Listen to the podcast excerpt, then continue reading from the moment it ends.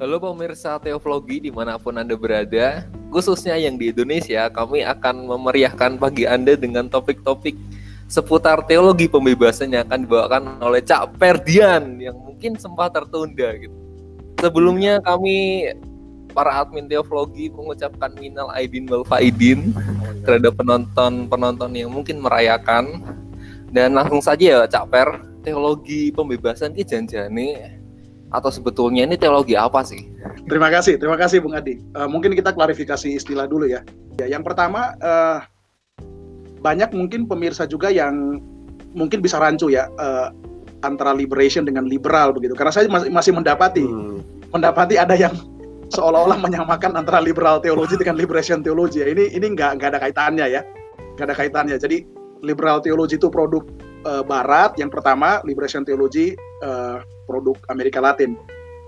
Nah, kemudian uh, liberal teologi itu apa ya seolah-olah seolah-olah ya pak outcome-nya itu kan uh, hanya melihat Alkitab sebagai mungkin sejarah begitu ya dan banyak mitos begitu. Nah, kalau liberation teologi malah sebaliknya sebenarnya sangat uh, uh, rooted and grounded di nanti saya akan sedikit jelaskan sangat rooted and grounded di, di kitab suci sebenarnya. Nah jadi Uh, kemudian motif ya, kemudian motif uh, liberation teologi uh, kalau uh, liberal teologi itu sangat berkaitan dengan ini ya uh, per, uh, apa pergulatan filsafat. Kalau liberation teologi sangat berkutat dengan realis, realita realita kehidupan begitu. Jadi mungkin itu yang oh. pertama ya. Jadi uh, klarifikasi istilah dulu. Jadi nggak ada kaitan sama sekali. Jadi jangan takut, jangan takut bahwa ini liberal dan nggak ada kaitan sama sekali ya. Ada kaitan. Uh, yang kedua. Uh, kekeliru, uh, mungkin ada juga uh, kekeliruan yang kedua ya. Uh, ada yang menganggap bahwa liberation theology ini penggerak utamanya itu atau motif utamanya itu karena kemiskinan.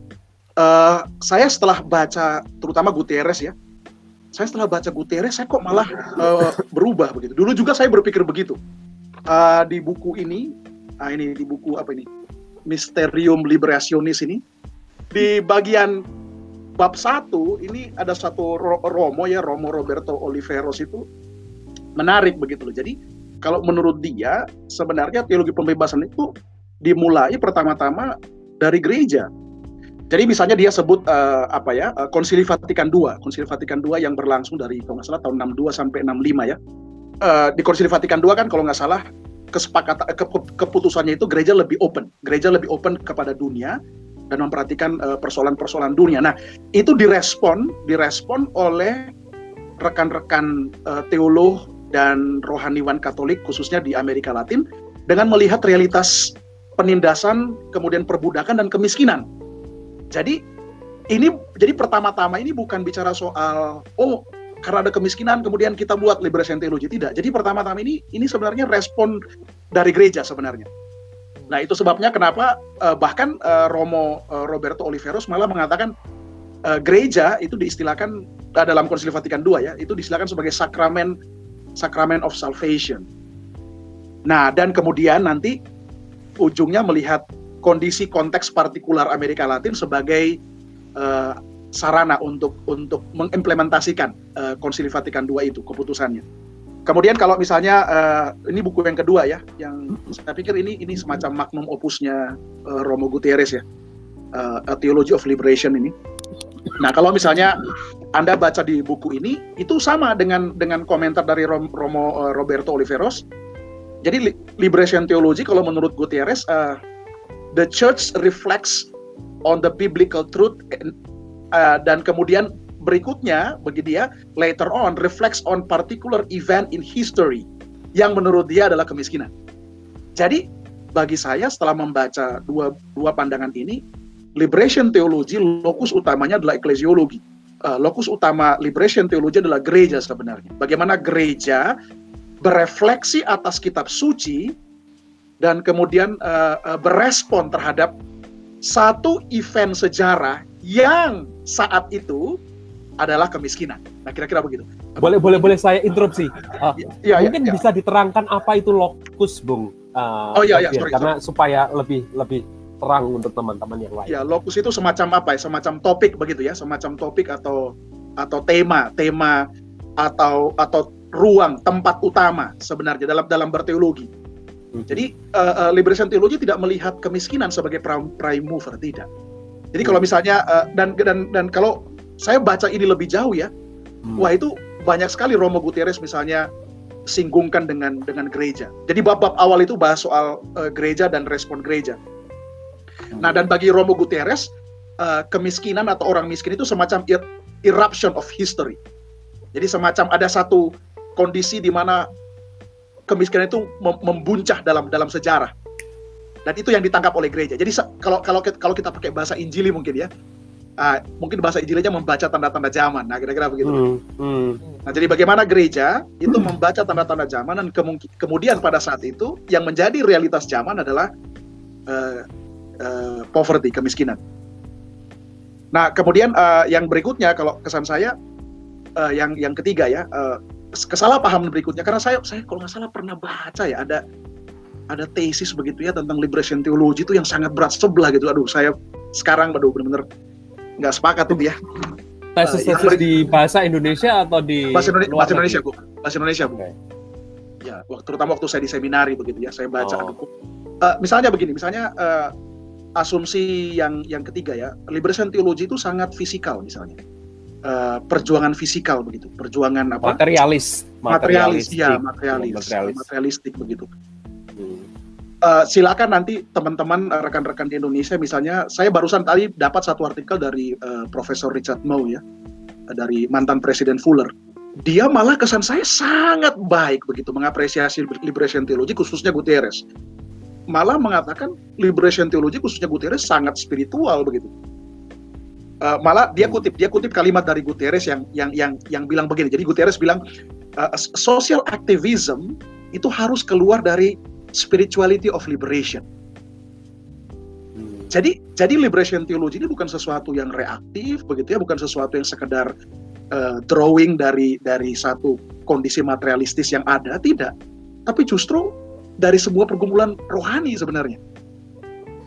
Nah itu sebabnya kemudian nanti nantinya kemudian bagi Gutierrez misalnya dia mengatakan gereja haruslah menjadi gereja orang miskin. Itu statement yang kesan saya bukan materialis, bukan bukan karena bukan, tapi karena melihat uh, realitas spiritualitas justru, spiritualis justru. Karena melihat gereja sebagai ini ya sarana sarana uh, spiritual, sarana, sarana sarana rohani. Nah mungkin kesan saya Bung Nindyo dan teman-teman uh, kenapa asumsi itu muncul uh-huh. uh, dan khususnya ya khususnya juga kesan saya banyak juga dari kalangan Katolik yang juga kan ini kan liberation theology ini kan sangat ini ya sangat sangat kontroversial ya sampai saat ini kesan saya termasuk di internal yeah, Katolik yeah, juga kan yeah. supporter dari liberation theology ini menggunakan ini menggunakan sosial teori ya khususnya dari uh, Karl Marx untuk menganalisis uh, fenomena sosial pada saat itu. Nah, tapi Nah ini yang ini yang saya mau klarifikasi. Romo Gutierrez di bukunya di bukunya ini Theology of Liberation dia mengklarifikasi. Jadi mereka menggunakan itu bukan take it for granted, tidak. Jadi bukan kayak seolah-olah langsung langsung pakai tidak. Bahkan yang menarik Romo Gutierrez itu mengatakan mereka mereka bahkan me, me, memperdebatkan antara teologi dengan pandangan-pandangan Marx dan menemukan satu sintesis yang yang yang baru. Jadi tidak serta merta kemudian take it for granted terima-terima saja, tidak. Tidak seperti itu saya ya, ya. ya merespon beberapa hal dalam dalam arti saya setuju dan terima kasih untuk untuk presentasinya ini belum nanti juga dilanjutkan tetapi saya tertarik dengan uh, yang anda katakan hmm. tanda-tanda zaman itu kan membaca tanda-tanda zaman uh, itu terkait dengan dengan dengan apa ya uh, istilah yang memang lebih injili begitu ya katakanlah anda tetapi istilah ya. itu justru muncul uh, pertama-tama diperkenalkan oleh gurunya Gutierrez di Leuven, uh, oh. uh, Universitas Leuven, okay. yaitu uh, Mar Marie Dominique Chenu. Uh, Chenu yang juga seorang Romo dan juga seorang Dominikan, uh, itulah yang memperkenalkan istilah tanda tanda-tanda zaman yang kemudian diadopsi oleh Konsili Vatikan kedua. Hmm. Nah, nah itu itu itu respons yang pertama. Ya, ya Ya. Tetapi itu tidak salah karena karena juga juga di, di kalangan Injili juga me, me, memakai ya. istilah tersebut. Uh, terus kemudian juga pertanyaan saya ini Bung, kemudian kalau tadi dikatakan uh, um, liberasionis itu bukan liberal dan saya sangat setuju. Liberal itu proyeknya orang-orang kulit putih. Nah, lalu Anda tadi juga menyebut ini Bung, uh, bahwa gereja itu adalah sebagai sakramen keselamatan. Ini ini ini ini menarik. Nah, bagi teolog teolog pembebasan, Bung, keselamatan itu apa sih sebenarnya? Karena dalam perspektif yang mungkin selama ini dimiliki oleh rekan-rekan semua, uh, keselamatan bagi teologi pembebasan itu adalah keselamatan yang sifatnya itu hanya pokoknya nggak miskin lagi, begitu kan? Pembebasan material. Uh, apakah anda menemukan sesuatu yang berbeda, Bung Berdian? Ini kan kaitannya pasti dengan dengan problem kan, dengan masalah ya. Ya.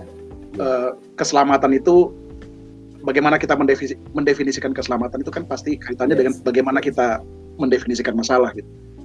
Nah, yang saya dapatkan misalnya uh, bagi ini yang ini ini yang yang penting ya uh, definisi kemiskinan uh -huh. misalnya uh, bagi bagi kalangan uh, teolog pembebasan misalnya uh, kemiskinan tidak melulu dilihat sebagai individual uh, individual problem bagi mereka ini lebih sebagai uh, structural problem Nah, misalnya uh, misalnya lah contoh uh, Romo Gutierrez, dia dia mengkritik dan saya setuju sekali gitu ya karena saya juga pernah di NGO. Uh, dia mengkritik misalnya satu konsepsi barat developmentalism. Pokoknya apa-apa yang paling penting itu apa ya develop, development itu apa kayak kayak pembangunan pembangunan ya pembangunan itu yang paling yang paling penting itu pembangunan. Nah di sini dia mengkritik, dia bilang justru di, itu itu akar kemiskinan dia bilang. Itu justru yang membuat kemiskinan makin parah begitu. Karena uh, uh, misalnya negara-negara berkembang gitu ya, misalnya negara-negara miskin itu uh, rame-rame misalnya minta minta bantuan gitu ya. Kemudian negara-negara asing dengan uh, khususnya dia dia mengatakan lewat agency-agency itu masuk memberikan bantuan tapi tidak addressing the root of the problem gitu, the root of poverty. Kenapa? Karena ini cukong-cukong di atas ini yang yang yang menguasai apa menguasai modal dan sebagainya itu punya agenda masing-masing. Nah ini yang yang justru akan melanggengkan kemiskinan. Nah makanya dia kritik kritik sekali itu uh, yang namanya developmentalism. Jadi kalau misalnya hmm. Bung Nindyo ya apa apa yang apa yang menjadi apa ya konsepsi keselamatan dari apa ya dari kalangan teolog pembebasan ya yang pertama saya yakin ini berkaitan dengan spiritual spiritualitas ya yang pertama ya. Tapi yang kedua itu berkaitan dengan yang tadi nih uh, uh, struktur struktur kemis yang mengakibatkan kemiskinan itu itu sirna begitu. Itu sirna tidak ada lagi. Jadi bagaimana bagaimana gereja gitu yang merupakan sakramen of salvation itu hadir dan yaitu jadi berupaya berjuang untuk supaya struktur yang mengakibatkan poverty itu itu hilang sirna menarik, menarik. Dan itu panggilan kita sebagai gereja. Begitu. Oke. Kalau nanti Anda membaca buku ini, baik uh, dalam cetakan yang baru uh, eh, 15 anniversary ataupun yang original, bukalah halaman 85 dan 86. Nah, Gutierrez mendefinisikan salvation itu dalam ada dash-nya begitu, the communion of human beings with God and among themselves. Jadi, uh, pertama-tama keselamatan itu bicara mengenai persekutuan. Persekutuan dengan Allah dan persekutuan dengan sesama.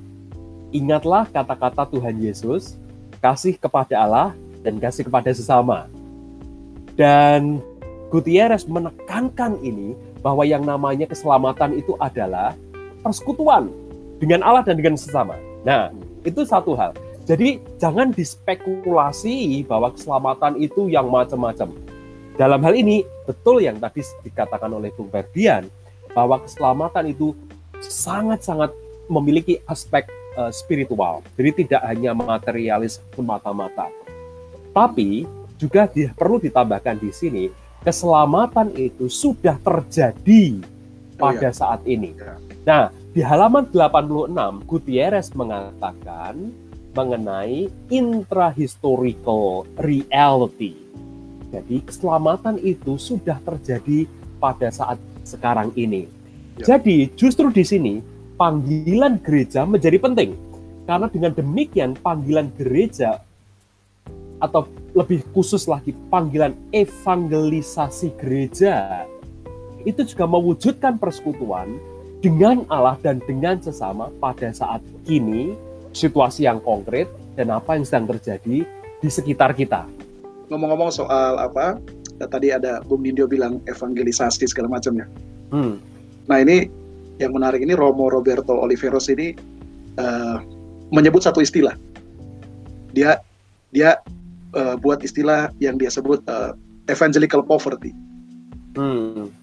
Nah, evangelical poverty. Nah, jadi, nah ini ini dimensi kedua dari kemiskinan begitu. Jadi bagi uh, Romo Roberto misalnya dia katakan uh, panggilan orang Kristen itu apa? Ya tadi kalau misalnya salvation sekarang calling ya.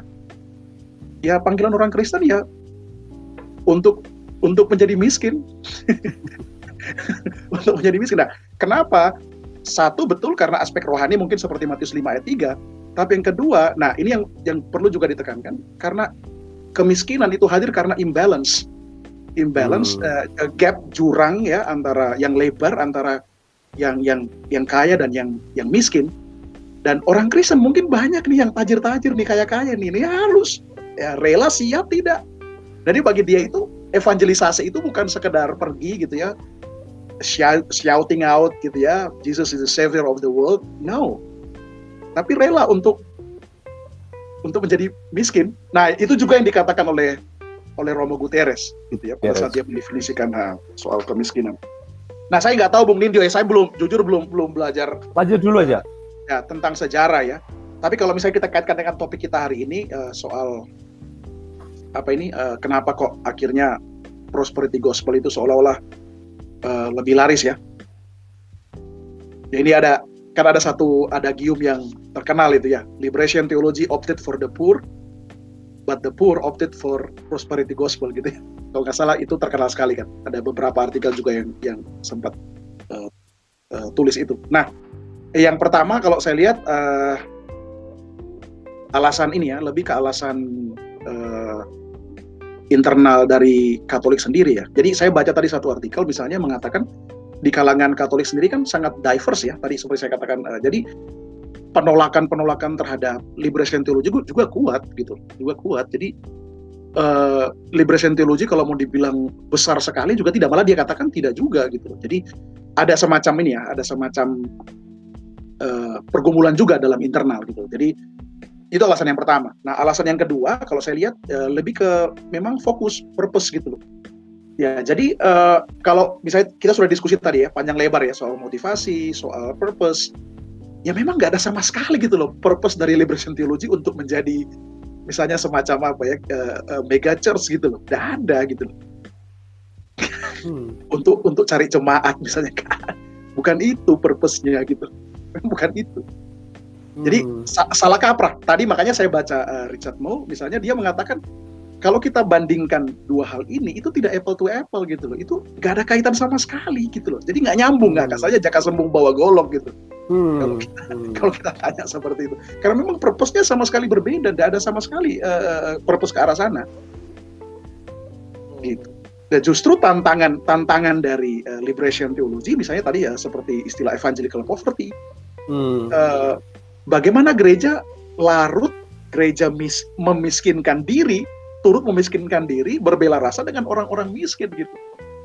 Misalnya seperti itu. Ya itu kan challenge yang sulit ya. Mana ada orang yang mau memiskinkan diri. Jadi memang hmm. sudah ada risiko ke sana. Saya boleh boleh boleh uh, uh, memberikan kontribusi dalam hal ini juga.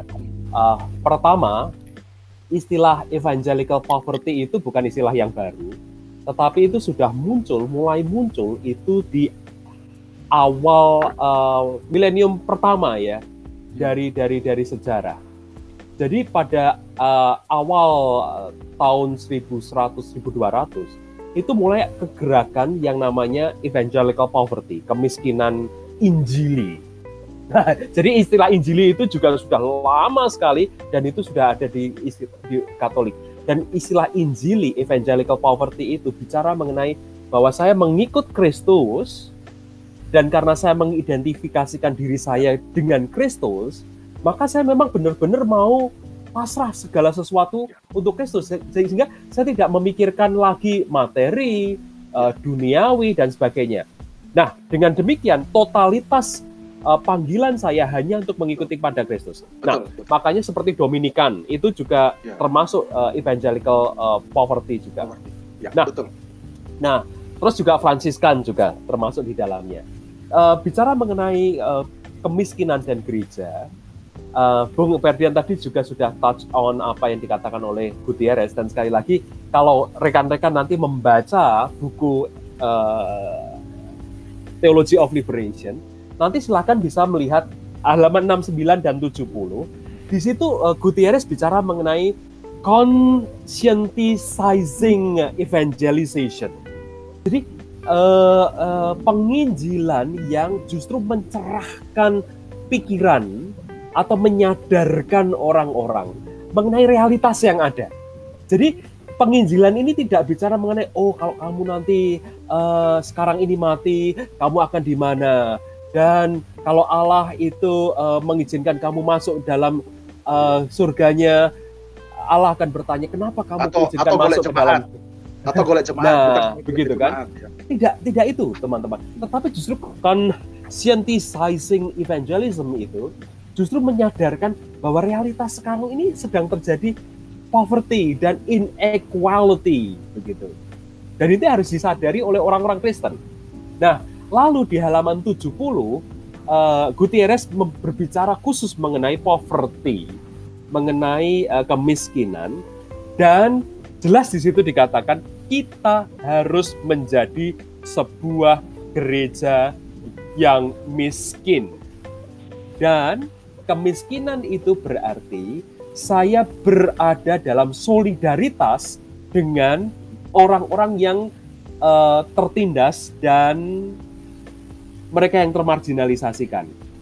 Jadi uh, kemiskinan itu mengapa evangelical poverty seperti tadi yang dikatakan oleh Bung Perdian dan saya hanya mau menunjukkan ada di sini bahwa itu adalah komitmen saya untuk memang menjadi gereja uh, yang miskin. Nah, berbicara mengenai mengapa terus kemudian trennya seperti yang tadi dikutip dan saya sedang down tadi internet saya. Um, ini Bung, ada ada fenomena yang menarik yang terjadi di tahun 1980-an dan 90-an, yaitu ada dua hal. Pertama, eh, pengaruh teologi, teologi pembebasan memang agak menurun karena mereka juga menghadapi tantangan dari dalam gereja Katolik ya. sendiri. Ya, ada pushback, iya kan? Ya. Yang kedua, yang kedua uh, terjadi external persecution. Jadi ada uh, penganiayaan dari luar, yaitu secara nasional maupun transnasional. Dan dalam hal ini harus disebut Amerika bermain, Amerika Serikat bermain di dalamnya. Begitu kan?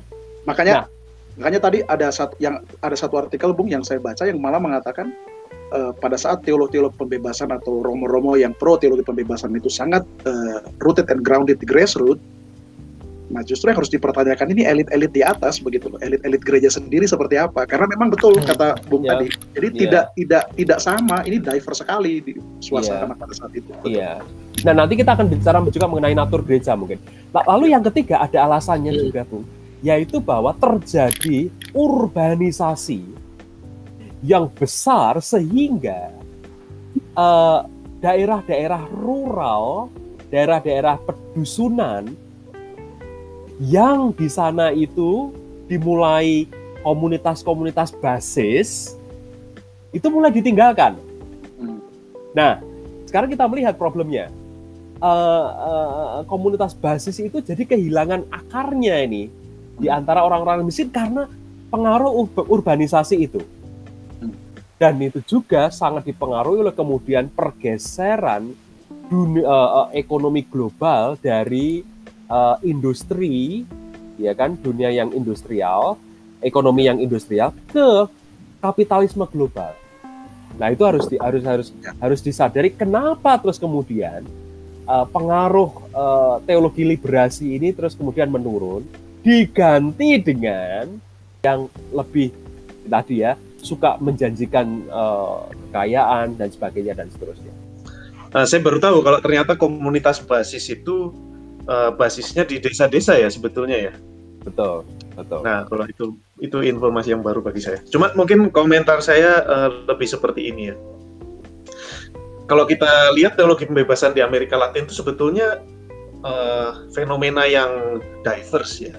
Betul. Artinya, kalaupun kita sering mendengar uh, identik dengan Katolik, tapi sebetulnya ada juga teolog-teolog Protestan yang yang involved di dalamnya. Exactly. Kalau tidak salah misalnya Bonino ya. Iya. Iya. Iya. Uh, dari Argentina kalau nggak yeah, salah. Iya. Nah, yeah. jadi uh, apa? Dan juga bukan cuma Gutierrez, uh, apa oh, memang iya. yang tersohor Gutierrez, tapi uh, itu satu fenomena yang diverse. Mungkin bisa kita katakan yang menyatukan mereka sebetulnya semangatnya begitu ya. Uh, saya pikir semua juga punya pendekatan dan kekhasan masing-masing begitu. Dan tadi seperti di apa pointed oleh Bung Ferdian, memang tidak bermaksud bikin gereja ya. Jadi nah. jadi memang tidak ada maksud membangun satu institusi yang Betul. yang teguh uh, apa mengarungi zaman begitu. Betul. Justru, iya. just, betul betul Bung Des. Justru uh, uh, kalau misalnya baca di GTRS juga ya, sebenarnya hal yang sangat ditentang oleh teologi pembebasan itu yang dianggap sebagai akar kemiskinan itu ya institusi ins, apa istilah institutionalized. Iya benar. Jadi yeah, yeah. itu ya itu yang sangat sangat dia dia kritik begitu. Karena itu tadi ya struktural poverty itu ya penyebabnya ya. Iya. Dan mungkin saya mau mengomentari juga uh, soal adopsi tentang Marxisme begitu ya. Saya pernah membaca satu artikel itu jarang saya baca artikel tapi ini salah satu yang saya baca dan ingat. Itu dari Enric Dussel. Hmm. uh, itu yang diterjemahkan oleh orang lain saya lupa tapi diterbitkan di Rethinking Marxism. Hmm. Rethinking Marxism itu tentang apa teologi kebebasan dan Marxism. Di situ Enric Dussel itu seorang filsuf uh, memetakan saya pikir baik sekali ya artikel itu Eh, menjadi referensi memetakan bagaimana uh, Marxisme itu diadaptasi ya oleh para teolog kebebasan Amerika Latin ini dengan uh, apa spektrum yang yang luas gitu. Jadi dari ada yang sangat kritis sampai sangat reseptif begitu. Jadi hmm. jadi tidak tunggal dan apa namanya dan Dusel juga menyoroti bahwa seperti tadi Bung Merdian katakan tidak pernah semata-mata uh, mengadopsi mentah-mentah begitu dan uh, secara general lebih sebagai alat analisis sosial. Mm -hmm. ya. Iya. Dan saya pikir kalau sebagai alat analisis sosial ya sah-sah aja ya. Itu yeah. kan itu kan apa sama seperti sama. kalau kita pakai Weber atau Durkheim. Atau kalau dalam psikologi Freud gitu kan? Sama juga Begitu kalau kita pakai misalnya eksegesis pakai ilmu-ilmu eksegesis kan sama juga ya cuma yang cuma yang mungkin saya mau komentari dari artikel Dusel itu menurut saya dia terlalu optimis kalau menurut dia perkawinan teologi dengan marxisme itu dalam sejarah baru terjadi di Amerika Latin tahun hmm. 60-an eh, 70-an itu. Karena uh, kalau kita lihat aja misalnya apa di Indonesia ya itu Serikat Islam Merah itu sudah jauh lebih dulu dengan uh -huh. Misbah. Uh, lalu jadi kalau kita mereferensi teologi pembebasan di untuk orang Indonesia tidak harus ke Amerika Latin gitu, tapi Betul. ada contoh dari Serikat Islam Merah dan Haji Misbah. Lalu uh, kalau kita mau rujuk ke Eropa, uh, sebetulnya ada juga yang seperti itu ya. Karena karena saya belajarnya tentang Kalbat jadi uh, salah satu seniornya Kalbat itu ada tokoh namanya Leonhard Ragas ya. Cuma mm -hmm. mungkin uh, sekarang kurang berterima di di apa di dunia wacana dunia teologi. Tapi Leonhard Ragas itu seorang teolog reform Swiss begitu ya. Mm -hmm. Dan dan dia sangat sangat apa semangatnya sangat seperti teologi pembebasan. Jadi dia bahkan waktu itu sempat mengajar menjadi profesor di universitas, tapi dia keluar dari dari jabatannya itu sebagai pengajar karena alasan apa? Karena dia merasa murid-muridnya itu mahasiswa-mahasiswanya nanti itu hanya akan menjadi pendeta-pendeta di gereja-gereja borjuis gitu. jadi, dia jadi dia memutuskan untuk uh, berjuang bersama-sama dengan kaum buruh saja. Hmm. Hmm. Okay. Itu sama itu kalau kalau kalau komentar uh, yang juga baru saya saya temukan kemarin waktu uh, seminggu yang lalu uh, kami ada konferensi dan ada Peter Van di situ. hmm. uh, kita kenal Clodovis-Boff. Dan Clodovis-Boff adalah salah satu yang menggarisbawahi masalah metodologi. Nah, menariknya Peter Van yang juga kenal Clodovis-Boff secara pribadi, dia mengatakan begini. Clodovis-Boff itu hanya sekali menulis buku, jadi hanya satu bukunya dia. Dan setelah itu, setelah dia menulis buku itu dan beberapa artikel, lalu dia meninggalkan teologi. Dia tidak mau lagi urusan dengan teologi sama sekali. Dan dia lebih memilih pergi ke Amazon, bukan Amazon sekarang ini ya yang jualan itu ya. Tapi di hutan Amazon dan dia meninggalkan segala sesuatu teologi dan dia mengatakan saya nggak mau lagi urusan dengan teologi teologi itu omong kosong dan Peter Van juga juga bicara bahwa uh, juga sama sekali tidak mau bicara dengan uh, dengan saudaranya Leonardo gitu kan. oh, kan. Begitu. Jadi jadi itu itu itu itu nuansa dan, dan dan dalam hal ini juga banyak sekali nuansa yang yang terjadi uh, di di dalam uh, apa ya di dalam uh, teologi pembebasan Amerika Latin bahkan. Tapi saya senang dengan dengan uh, yang dikatakan oleh Bung Des tadi selain juga apakah ini uh, atau harus bagaimana menemukan nisbah antara Marxisme dengan dengan uh, religi di Indonesia di tanah air kita. Tetapi juga tadi Bung DS pertama-tama mengatakan um, uh, garisnya itu ada juga di uh, uh, di, di kalangan Protestan dan itu betul. Selain tadi yang dikatakan uh, Miguel Bonino uh, hmm. juga kita bisa menyebut Paulo Freire hmm. pendidik itu itu dia seorang baptis loh begitu ya oh Paulo Freire tuh seorang baptis dan dia aktif di uh, Dewan Gereja-Gereja Sedunia di World Council hmm. of Churches nah begitu jadi justru pendidikan yang membebaskan itu itu justru muncul dari Protestan oh gitu ya. nah iya, iya gitu. Saya selama ini kira Romo loh dia. Bukan. iya, dia seorang sama, Protestan. Iya. Nah, gitu. Power Freire seorang Protestan. Cuma itu ya, uh, Bung DS atau Bung NS uh, apa? Uh, bisa tadi Bung DS bilang toko-toko di di Eropa uh, Protestan tapi tidak banyak ya karena tahun-tahun 70-an juga kan ada resistensi juga ya dari teolog. Misalnya Jurgen Moltmann kan awalnya sempat anggap uh, teologi pembebasan ini apa begitu ya. Aha. Aha. Hmm, ya, iya, ya. ya. saya pikir ya. di Eropa juga diverse ya. ya. Diverse ya, juga. Ya. Jadi ya. Apa namanya kalau yang sempat besar malahan dulu tuh termasuk Moltmann ikut di dalamnya. Dulu tuh ada saya pernah sebut di video Legacy Calvert ya. Jadi uh, apa dulu malah ada Christian Marxist dialogue gitu hmm. antara apa itu diinisiasi oleh Fakultas Filsafat di Prag di Ceko sebetulnya. Uh -huh, uh -huh. Jadi ada apa filsufnya namanya Milan Markovic itu yang tertarik dengan salah satunya dia tertarik dengan Calvert begitu. Jadi banyak banyak apa ada acara-acara dialog di sana dan mereka menerbitkan jurnal juga. Uh -huh. Nah, cuma nggak tahu sekarang itu masih ada apa enggak. Ya, zamannya berbeda dulu jurnal memang yeah. untuk hidup sebelum apa ya saya menawarkan teologi kebebasan ala Asia yang Wih. dibawa oleh temannya temannya Gustavo Guterres yaitu dosennya sendiri Bono Wiratmo. Uh, bolehlah kalau saya share sedikit tentang buku yang disharingkan oleh Bung DS ke saya pada waktu akhir tahun kemarin bukunya Michael Lowy. kebebasan. ngeri ngeri ngeri. Iya.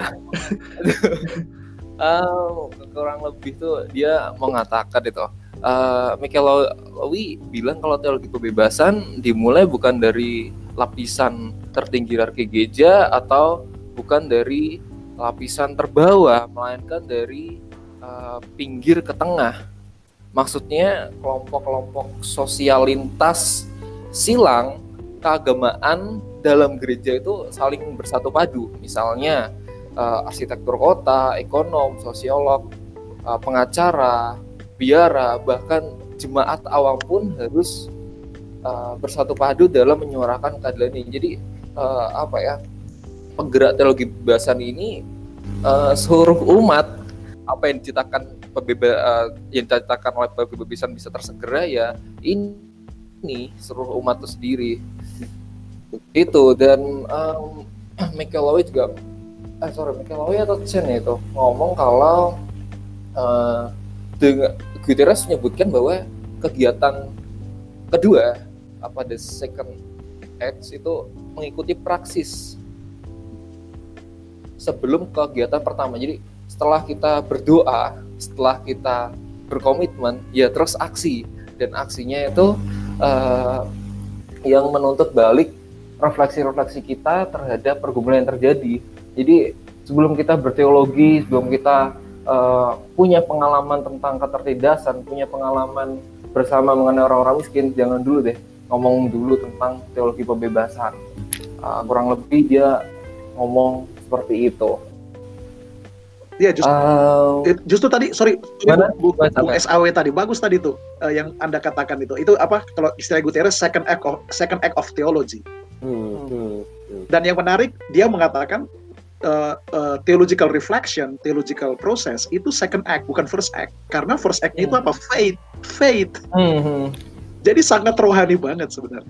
Benar iya. kata Anda tadi, benar. Jadi sangat rohani sekali ini. Jadi refleksi teologi akan realitas itu nanti yang kedua, nomor satu ya faith in in Christ, mm-hmm. faith in God, betul. Mm-hmm. Okay. Saya malah saya malah berpikir Bung NS, Bung DS kalau tadi kan bahas-bahas teologi dan marxisme mungkin nanti ke depan bagaimana teologi pembebasan dan injili misalnya kan? Wah ini kan menarik. Iya. Oh itu kepakaran anda bung. Iya. Karena karena sudah baca mau juga begitu kan? Oh, iya. dan di tahun 89 kalau nggak salah uh, Ben Witherington pernah menulis sebuah artikel uh, yang masuk di dalam fast shriftnya Donald Guthrie um, mengenai proposal mengenai teologi pembebasan Injil. Tapi itu 89, 89. Nah, yeah. Sementara 2019 NS. Hah?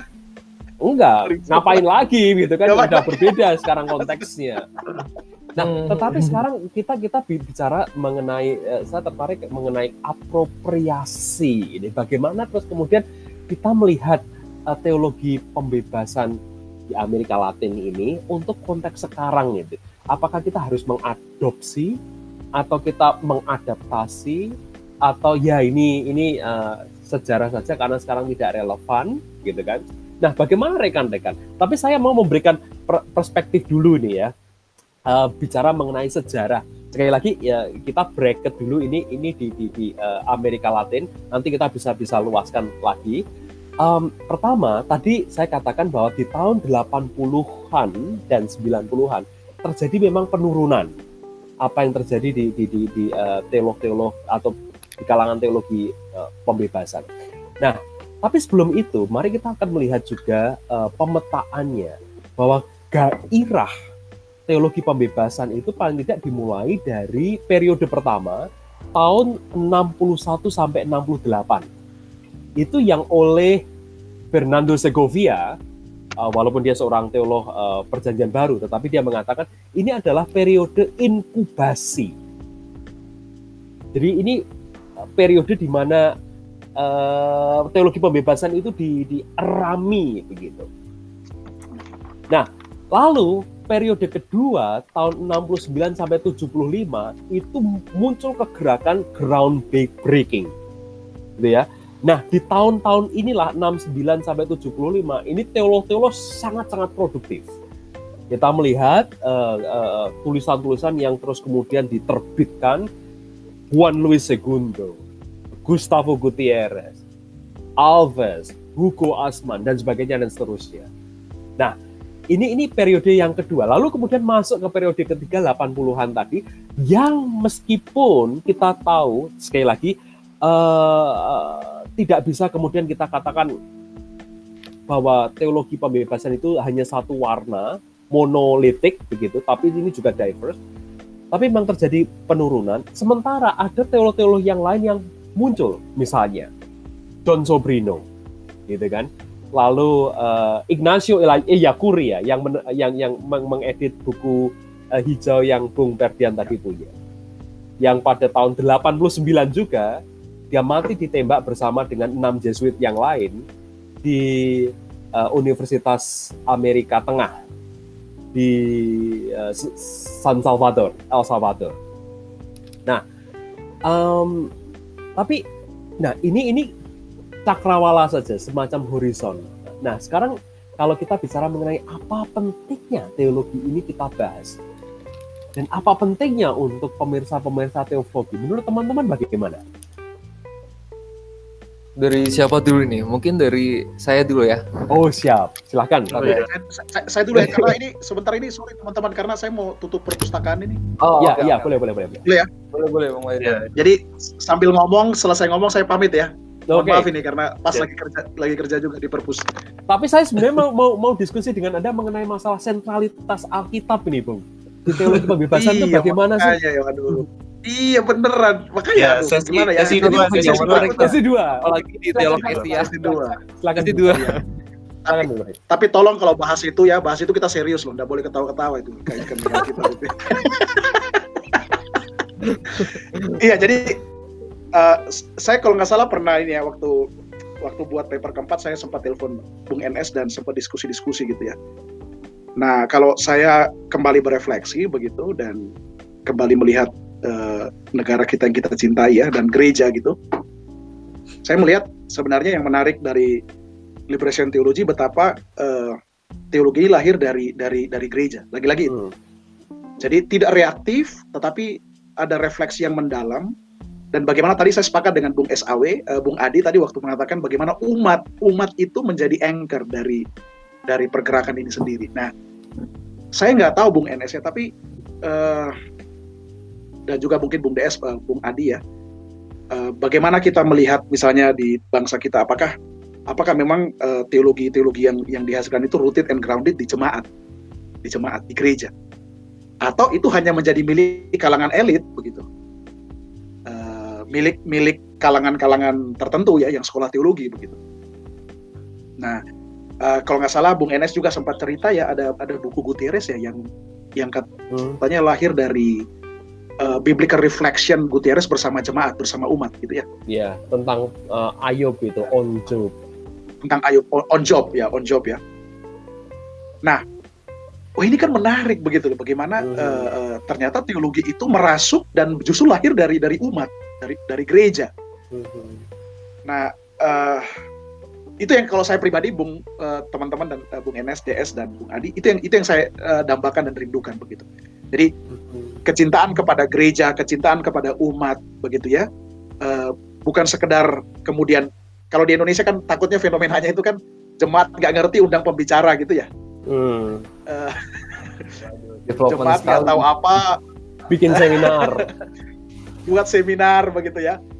Nah, saya malah melihat pada saat misalnya gereja lokal kita ber, uh, menghadapi satu problematika lokal, nah bagaimana uh, gembala, pendeta, uh, uh, atau mungkin pastor, atau mungkin uh, pemimpin umat berefleksi bersama-sama dalam realitas itu.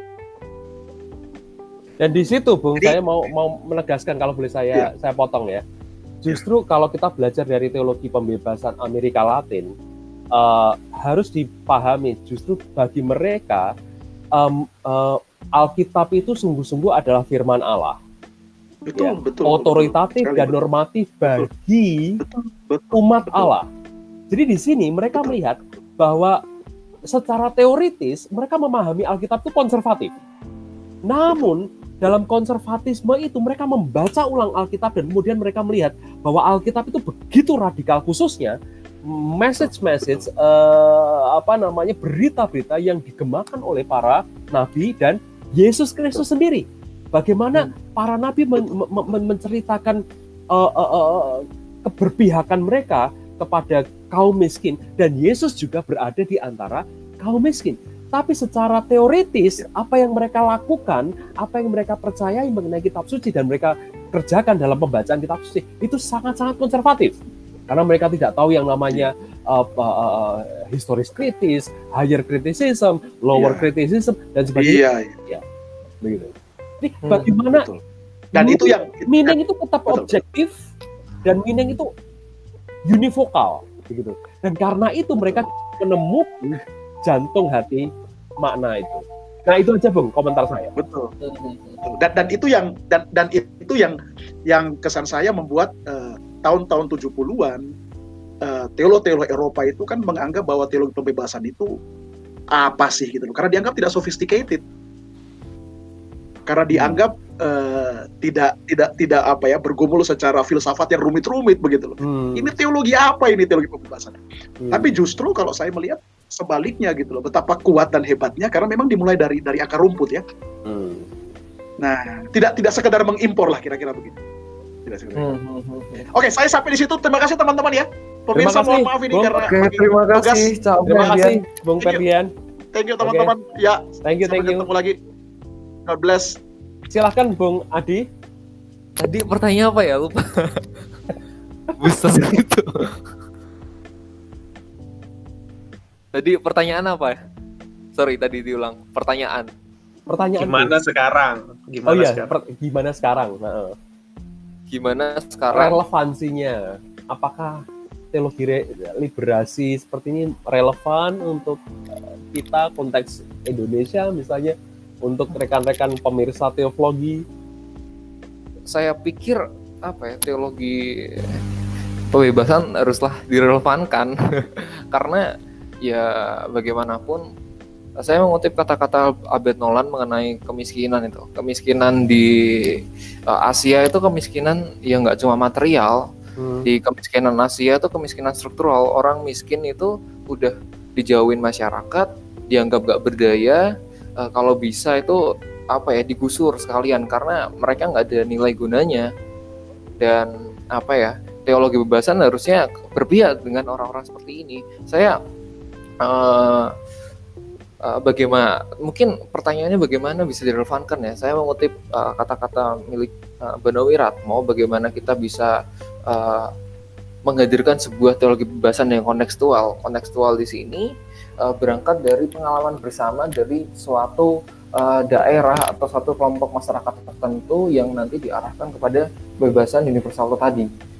Jadi uh, dimulai dari pertanyaan di mana Tuhan dalam keprihatinan ini terus uh, apa sesungguhnya yang Tuhan rindukan untuk aku kerjakan bagi subjek-subjek di dalam konteks. Nah, proses analisis imam ini akan menghasilkan suatu sintesis sintesis teologi yang memuat rumusan tanggapan atas sapaan Allah. Nah, Mungkin sampai di sini kita berhasil mengungkapkan suatu teologi pembebasan yang otentik. Terus uh, kalau boleh juga saya memaparkan kenapa teologi uh, pembebasan uh, sangat relevan. Uh, ya Wilingga Bas Bastian kalau nggak salah dia pernah ngomong empat hal itu saya per, saya catat nih sebelum uh, vlog ini mulai jadi di Asia itu sangat uh, kemiskinannya berasal dari mana atau dari mana sih orang Asia ini kok bisa miskin seperti ini? Dia menyebutkan ada empat hal. Kemiskinan di Asia itu warisan kolonialisme dan sebab sebab akibat dari neoliberalisme yang terbenam di uh, benak pikiran masyarakat Asia. Terus kedua, ancaman terhadap hak-hak demokratis karena kediktatoran penguasa. Terus tiga, peran aga, peran ganda sebuah agama yang membenarkan penindasan dan pemberdayaan perjuangan keadilan. Jadi agama juga apa ya? Agama itu uh, paradoks gak? Dia berperan ganda, punya standar ganda mengenai uh, perannya sendiri. Yang terakhir krisis ekologis yang mempengaruhi kehidupan kaum kaum marginal seperti penduduk asli, nelayan, tradisional, petani, bahkan seorang perempuan. Nah, makanya fokus apa ini kan nilai-nilai pengalaman bersama yang diterita oleh masyarakat Asia dan teologi pembebasan relevankan di sini. Karena uh, sekali lagi teologi pembebasan ini mungkin kalau dipraktekkan ya bisa menarik ekonom, arsitek semuanya untuk melihat untuk melihat apa ya lensa bukan pakai lensa uh, development atau lensa uh, akumulasi kapital, tapi dari lensa keperbiakan dari skala kecil untuk melihat tentang uh, sesuatu hal dari uh, keterdasan ini. Hmm.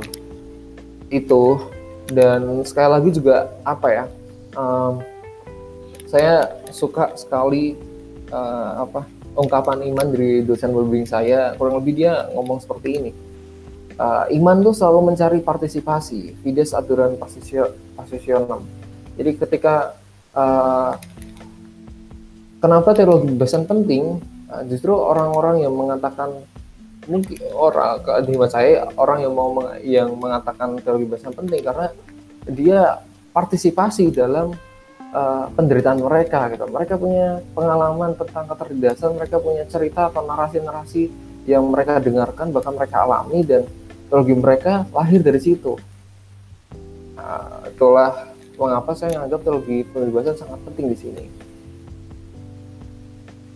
Keren, keren. Dan saya merasa itu sudah uh, bisa menutup uh, vlog di kita kali ini ya. Okay. Tapi kalau kalau kalau saya boleh menutup, Bung DS, ada lagi yang mau ditambahkan? Silakan. Oh, Nanti masih, saya menutup. Masih masih bisa ini, masih ada waktu. Monggo, masih masih, masih, masih, masih, masih. masih. Iya, uh, kalau menurut saya apa namanya uh, teologi pembebasan sangat justru karena dia sangat mendobrak dan sangat berterima di berbagai banyak kalangan, dia juga jadi diadopsi berbagai macam kalangan begitu.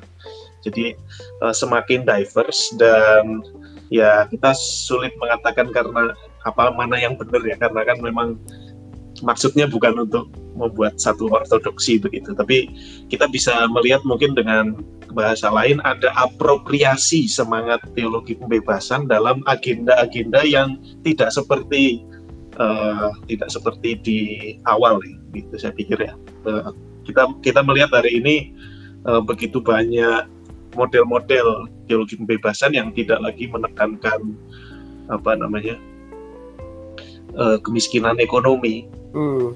dan kita lihat di sini mungkin ini ada hubungannya dengan vlog kita tentang teologi dan ambivalensi penanda mengambang ya. Jadi hmm. sebagai teologi dia punya sifat mengambang itu misalnya preferential option for the poor and the oppressed. But who is the poor and the oppressed exactly gitu kan. Jadi uh, makanya banyak muncul apa namanya uh, apropriasi teologi pembebasan yang mungkin bisa kita katakan agendanya lebih melayani agenda kelas menengah begitu. Hmm. Ya, jadi uh, padahal kalau kita lihat di teologi pembebasan sebetulnya mereka tidak semata-mata misalnya paling tidak yang saya tahu Bonino dan Clodovis Boff ya mereka sebetulnya tidak menutup penindasan di dalam bentuk-bentuk lain selain ekonomi tapi itu diletakkan di level sekunder begitu. Uh-huh. Jadi kalau kita lihat hari ini justru setidaknya pengamatan saya banyak apropriasi teologi pembebasan itu di yang tadinya dianggap level sekunder begitu. Uh, uh, nah, kalau, kalau kita baca secara ekonomi politik bisa kita lihat itu uh, sangat dikondisikan oleh sangat melemahnya kelas struggle setelah kejatuhan tembok Berlin 89 dan keruntuhan Uni Soviet 1991. Uh -huh. uh, kemudian juga semakin apa namanya semakin me menguatnya proses urbanisasi ya sehingga gereja yang pertumbuhannya juga mau tidak mau dikondisikan oleh kapital uh, tersentralisasi di kota-kota apalagi misalnya seperti di Indonesia kita bisa bayangkan kota-kota itu sendiri sangat tergeto begitu ya jadi uh -huh jadi ada perumahan elit, perumahan elit sini, perumahan elit sini, dan kita bisa bayangkan dengan mengambangnya, uh, mengambangnya semangat untuk memperhatikan konteks begitu ya. Nah itu uh, sangat rancu begitu. Konteks yang mana? Kalau konteks gereja lokal di dalam satu perumahan elit, ya di mana? Apa mhm. kemiskinan dan mhm. dan penindasan di situ mhm. ya kan? Jadi uh, apa namanya kita bisa melihat sangat mungkin di diadopsi ya. Dan dan karena titik tolak teologi pembebasan seperti tadi dikatakan Adi itu experience itu justru yang sangat sangat penting. Jadi dengan getoisasi apa namanya masyarakat kita hari ini itu bisa bisa apa experience tuh bisa sangat bias gitu. Mhm, Experience tuh bisa sangat bias. Kalau kita misalnya seorang pendeta di Jakarta, tadinya dididik untuk berteologi dalam konteks begitu, tapi dalam satu perumahan yang elit dan eh, setiap hari bertemu dengan jemaat-jemaat yang kaya, ya apakah tidak ada bias of experience di sana ketika Hmm, hmm, hmm, hmm. ketika kita menggumuli eh, teks kitab suci kita. Exactly. Demikian pun menurut saya karena tadi yang dikatakan oleh Bung DS bahwa eh, apropriasi ini kemudian justru menimbulkan ambiguitas. Ini ini ini ini ini ini yang mana nih yang kita sebut sebagai the oppressed begitu kan? Dan saya setuju. Eh, misalnya kita kemudian muncul feminis, ya kan Hmm. teologi feminis, terus kemudian muncul eh, teologi queer dan sebagainya. Ini siapa yang sebenarnya sebenarnya sebenarnya tertindas dan siapa yang Nah, termasuk juga di dalamnya menurut saya yaitu eh, kemiskinan ekonomi karena itu pun bisa bisa menjadi menjadi tanda tanya seperti yang tadi juga dikatakan oleh Bung Des. Bagaimana Hmm. kalau eh, memang di kalangan eh, eh, eh, eh, kelas menengah, tapi pun kalau misalnya di kalangan orang-orang miskin, gitu kan, Hmm. di konteks orang-orang miskin sangat mungkin juga misalnya ada terjadi komersialisasi atau romantisisme eh, kemiskinan, Kemiskinan. mungkin ya, seperti itu. Iya iya betul. Nah, gitu. Iya. Jadi jadi memang memang memang sekali lagi teologi akan sangat bisa ambigu. Tetapi kalau boleh menutup itu seperti yang tadi di- eh, kemarin dikatakan Bung BS, boleh tidak menutup dengan kitab suci? Nah, sekarang saya menutup dengan ayat ini. Ya, Bung, ya. Kalau boleh mungkin nih. sebelum ditutup, mungkin sebelum Oke. ditutup sama ayat saya mau komentar ya soal Iya. romantisasi kemiskinan. Iya, jadi termasuk juga preferential of the for, for the poor and the oppressed itu sangat ambigu ya dalam arti seperti apa? Apakah Jelas. dalam artian dalam artian kita meromantisir kemiskinan? Oh iya, setiap hari kita apa namanya? Setiap hari kita kita pengen dekat dengan orang miskin, tapi sebetulnya tidak ada agenda pembebasan di sana. Ya. Juga, Hmm, hmm. juga sangat bisa begitu ya, Ya. atau atau semangat charity begitu ya, Iya, iya. semangat iya. caritas. Oke. baca pembebasan kelas Mark. Walaupun walaupun sekali lagi karitas pun itu juga ambigu juga. Karena Iya. karena juga bisa baik begitu ya kan. Nah, Iya, tapi ini bisa bisa kita diskusikan eh, lebih lanjut. Tetapi ya bagi saya adalah apropriasi eh, teologi pembebasan itu justru eh, kita harus pikirkan sama seperti atau seturut seperti yang dikatakan oleh Tuhan Yesus sendiri. Dan saya mengutip Markus pasal 14 ayat 7. Mengapa Markus? Karena ini eh, disepakati oleh para ahli Injil yang pertama ditulis dan ditulis eh, di kalangan orang-orang yang miskin. Markus 14 ayat 7 mengatakan begini, karena orang-orang miskin selalu ada padamu dan kamu dapat menolong mereka bila mana kamu menghendakinya, tetapi aku tidak selalu bersama-sama kamu. Apa artinya? Di sinilah tugas teologi untuk memunculkan pertanyaan dan bukan jawaban. Jawabannya terus pergumulkan loh rekan-rekan semua. Terima kasih Mas Soyo atas penutupnya. Dan sebelum ditutup terakhir kali, kami akan menawarkan eh, apa agenda kami yang terbaru yaitu eh, dilarang tertawa. Mengapa pewaris reformasi harus humoris? Dan narasumbernya adalah Mas Soyo sendiri. Seperti apa? See you di Teologi. Terima kasih Mas Soyo, terima kasih Bung DS. Thank you. Oke, Bye.